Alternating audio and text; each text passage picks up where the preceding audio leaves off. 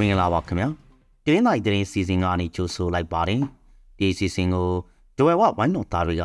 စူးစီးတင်ဆက်ထားတာပါဒီနေ့တင်ဆက်ပေးမယ့်သတင်းတွေကတော့တဲချောင်းကတောင်ပြောက်တိုက်နေတဲ့စက်ကောင်စီတပ်ဝင်လာလို့ဒေသခံတွေထွက်ပြေးရတဲ့အကြောင်းတဝဲမြေထဲမှာအမျိုးသားအလောင်းနှစ်လောင်းတွေ့ရတဲ့အကြောင်းတင်းနှင်းသားကြီးမှာစာသင်ကျောင်းထွေထွေလှုပ်တာအမျိုးသမီးတအုံနဲ့ဒေသခံအမျိုးသားတအုံပြစ်ဒဏ်ခံရတာမြေမှာ 73စီကိုအကန့်အသတ်နဲ့ရောင်းချနေတဲ့အချိန်နေမနေ့ကကျိုးသွားတဲ့ရှမ်းကိုတဝဲကာလန်ဘော်ကတထားငယ်ကိုပြုတ်ပြင်ပြီးလို့ဖြတ်တန်းသွားလာလို့ရသွားတဲ့အချိန်နေမော်ဘီနယ်မှာခရီးသည်တင်မှန်လို့ကတေးမောင်းလို့ကလေးနှစ်ဦးပါဝင်ခုနှစ်ဦးတန်ရာရှာသွားတာထိုင်းဝန်ကြီးချုပ်တစ်ကိုရွေးချယ်တီးပြလိုက်တဲ့ကြောင်းပြီးတော့ပြန်လာတဲ့ဝန်ကြီးချုပ်ဟောင်းသက်စင်ကိုထောင်ဒဏ်၈နှစ်ချက်ချင်းအမိန့်ချလိုက်တဲ့အကြောင်းပါဝင် ရွှေနဲ့ထိုင်းပါစီအတဲကြအခြေအနေစားတဲ့သတင်းတွေကိုနားဆင်ရပါပါ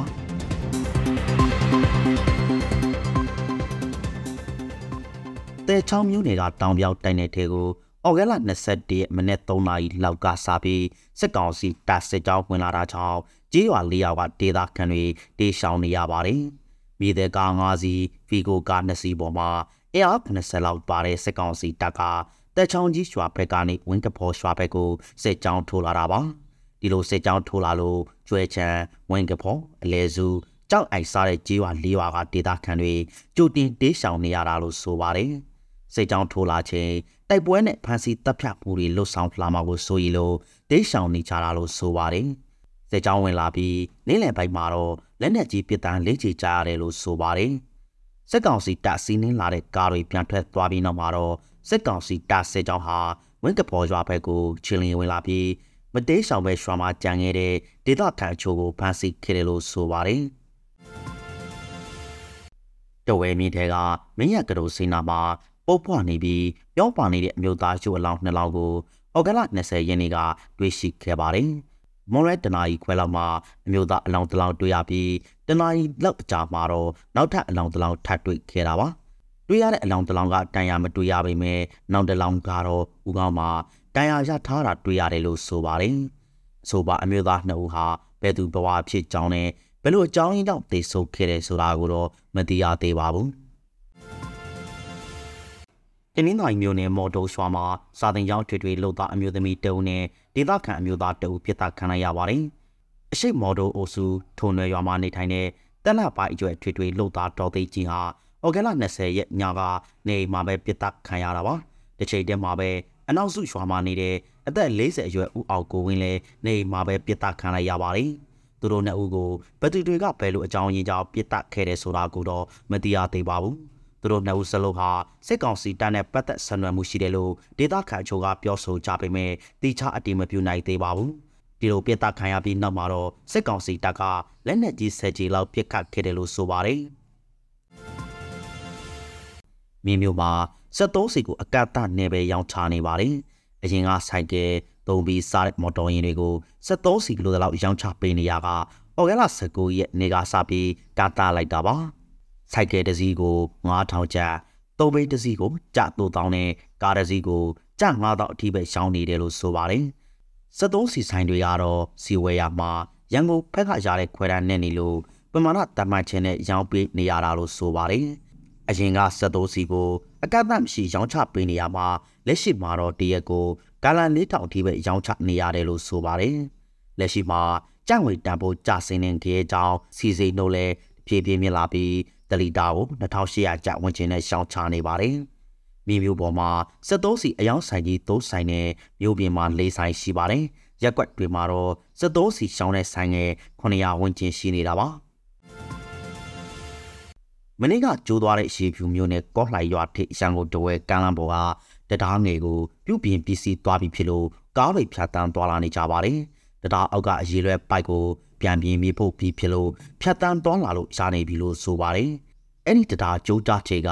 ကားနဲ့လူသူထိခိုက်ဒဏ်ရာရတာမရှိပေမဲ့ခိတ်တဲ့တင်ကားနဲ့ကိုတင်ကားတွေကော့လှိုင်ရွာမှာတင်ရတာပိန်ပြီးနေခဲ့တာပါ။တရားဟာအကျဲ18ပေနဲ့15ပေအရှိရှိပြီး ယမန်နှစ်ကတည်းကပြင်ဖို့လိုအပ်နေတာလို့ဆိုပါတယ်။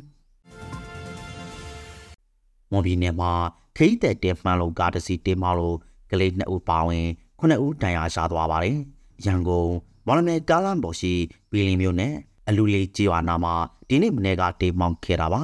ခရီးတဲ့ဆယ်ဦးလောက်စီးနေလိုက်ပါလာပြီးရန်ကုန်ဘက်ကနေအာဘက်မောင်းနေလာတဲ့အဲ့ဒီမှန်လုံးကဟာရှီလွန်တေးမှုခဲ့တာလို့ဆိုပါတယ်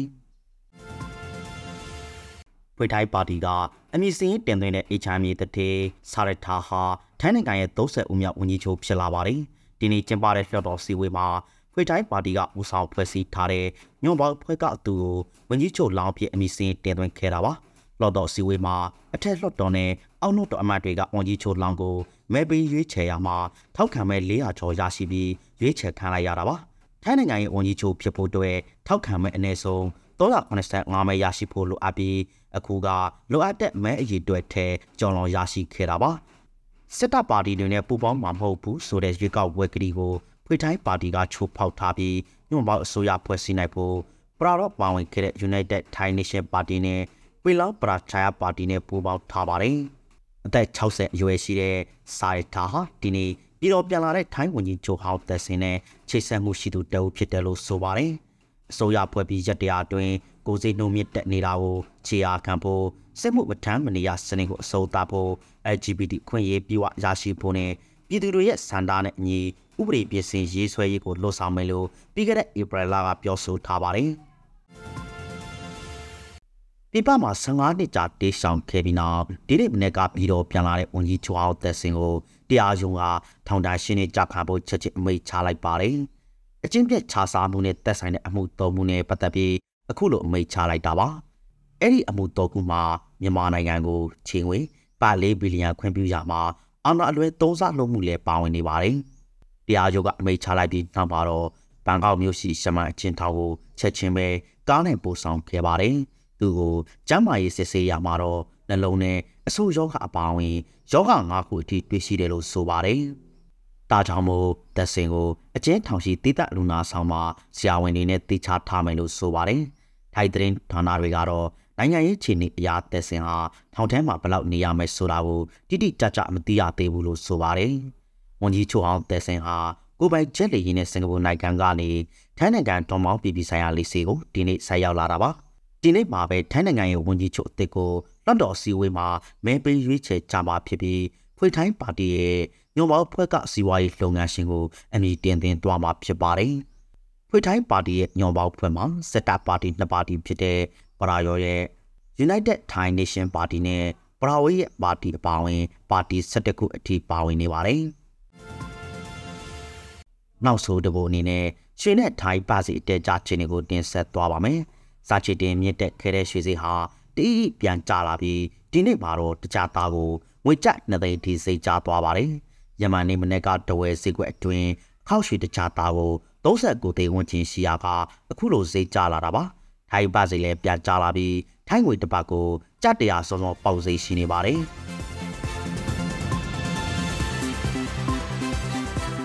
ခုလိုနားဆင်ပေးခဲ့တဲ့အတွက်ကျေးဇူးအထူးတင်ရှိပါတယ်မြန်မာနိုင်ငံသူနိုင်ငံသားများကပ်ပြီးပေါင်းကနေအများဆုံးလွန်မြောက်နိုင်ပါစေလို့တဝဲဝဝိုင်းတော်သားတို့ရာစုမော်ကောင်းတောင်းအပ်ပါတယ်ခင်ဗျာ